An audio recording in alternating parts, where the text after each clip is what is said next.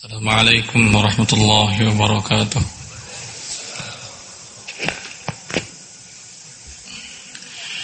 إن الحمد لله نحمده ونستعينه ونستغفره ونستهديه ونتوب إليه. أشهد أن لا إله إلا الله وحده لا شريك له. أشهد أن محمدا عبده ورسوله. أرسله بين يدي الساعة بشيرا ونذيرا.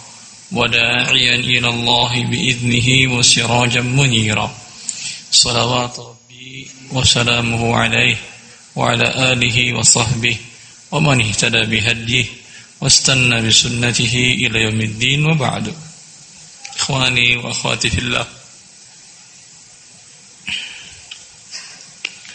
Tema yang akan kita bahas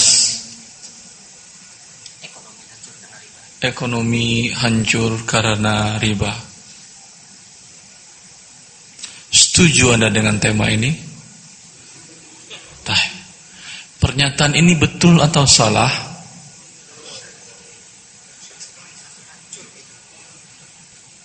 Ekonomi hancur karena riba riba yang terbesar di negara Amerika. Hancurkah ekonominya?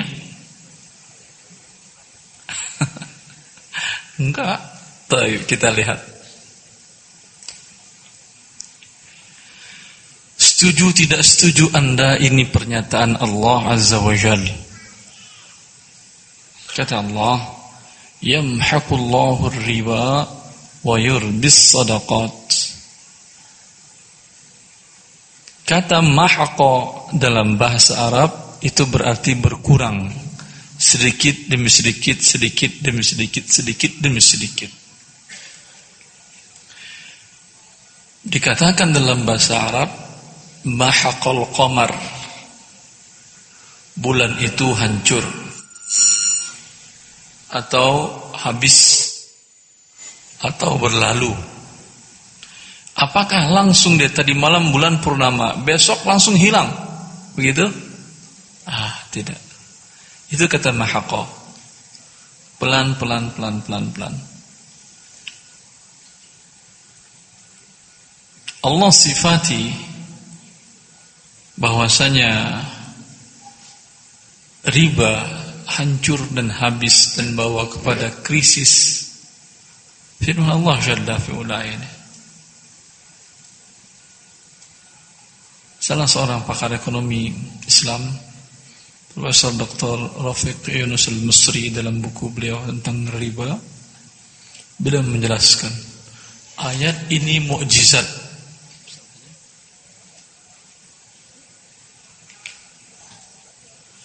ayat ini mukjizat Allah jelaskan kata dengan menggunakan kata mahako sangat cocok untuk bagaimana riba menghancurkan mata uang. Bagaimana riba menghancurkan mata uang. Yamhaqullahu riba wa yurbis sadaqat. Allah hancurkan riba. Tapi hancurnya langsung tidak. Pelan-pelan, pelan-pelan, pelan-pelan. Dijelaskan oleh Dr. Fikar Mesti dalam buku beliau bahwasanya ini ayat ini sangat tepat menggambarkan bagaimana inflasi terjadi dan menghancurkan mata uang. Inflasi terjadi pelan-pelan setiap tahun 0,5 persen berkurang daya belinya 5 persen, 5 persen, kadang 3 persen, kadang 7 persen. Dan teori inflasi dari zaman semenjak manusia membuat teori inflasi sampai sekarang coba siapa yang pernah belajar ekonomi? Siapa yang pernah? Eh, belajar ekonomi nggak pernah ya? Tapi anda pedagang semua.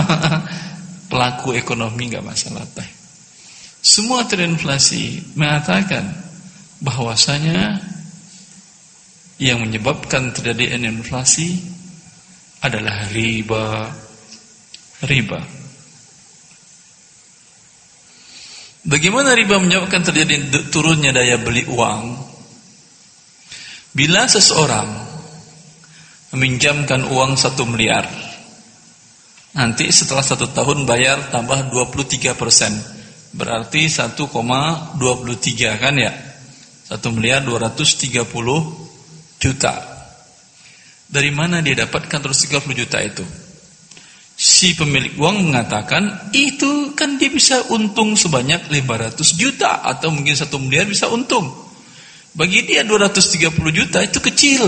Ha, itu kalau untung iya kecil. Tapi apakah ada jaminan ketika Anda memulai suatu usaha pasti untung? Ada? Jawab, siapa yang pengalaman bisnis dagangnya di Tanah Abang sudah sampai 30 tahun? Yang 30 tahun dagang di sini berapa siapa? Ah, ah ya Pak. Apakah terus untung Pak? Tidak. Kalau bilang iya, ada yang bilang iya, pasti dia bohong. Karena kalau dia bilang terus untung, sekarang dia jadi pasti orang terkaya di dunia. Untung terus tiap hari. Tidak ada. Pasti ada yang untung, pasti ada yang rugi. Lalu kalau dikatakan bahwasanya bunga uang itu atau riba itu adalah mengambil sebagian keuntungan dibagi dua. Sebagian untuk pemilik modal, sebagian untuk si pengelola. Itu kan kalau untung. Bisalah dibagi. Tapi apakah selamanya untung? Tidak. Tapi apakah bunga ditetapkan selamanya atau sesuai dengan keuntungan? selamanya. Berarti pasti siapa yang rugi? Pasti yang menggunakan uang pinjaman dari riba itu. Yang untung selalu adalah si pemberi dana. Dan Allah mengatakan dia yang beri dana satu miliar tadi lalu dapat bunga 23% setahun dapat 230 juta tanpa bekerja tanpa risiko. Hah? Kata Allah, Allah hancurkan uang 230 jutanya. Rata. Sampai pun modal pun hancur. Biasanya begitu atau tidak? Anda yang mulai usaha dengan pinjaman riba, jangan berpikir pernah akan kaya. Berpikirlah kapan Anda akan dikejar debt collector. Ah, karena anda menentang Allah yang membuat langit dan bumi ini, yang membuat kaedah. Yamhakullahu riba. Allah hancurkan riba itu. Ustaz, Amerika nggak pernah dikejar debt collector. Kata siapa nggak pernah dikejar debt collector? Coba saya tanyakan, utang negara terbesar di dunia negara mana? Amerika. Iya.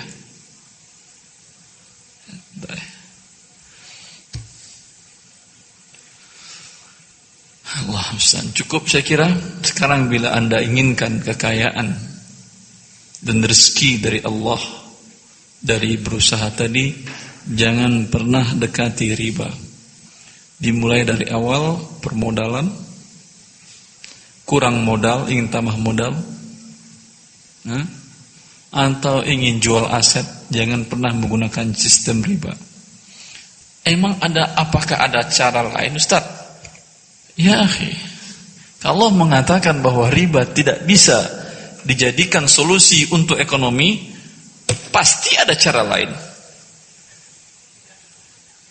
Pasti ada. Kalau gitu tolong ajarkan kita Ustaz. Salah sendiri, Anda dari kecil sampai dewasa sampai tua diajarkan hanya bagaimana cara pinjam uang ke bank riba. Tidak diajarkan bagaimana cara mendapatkan modal yang sesuai dengan syariat Allah Jalla fi'ula. Saya kira sudah berlalu seperempat jam. Cukup pembukaan dari saya. Silakan sekarang kalau ada pertanyaan. Kalau tidak kita tutup majelis ini. Walhamdulillah.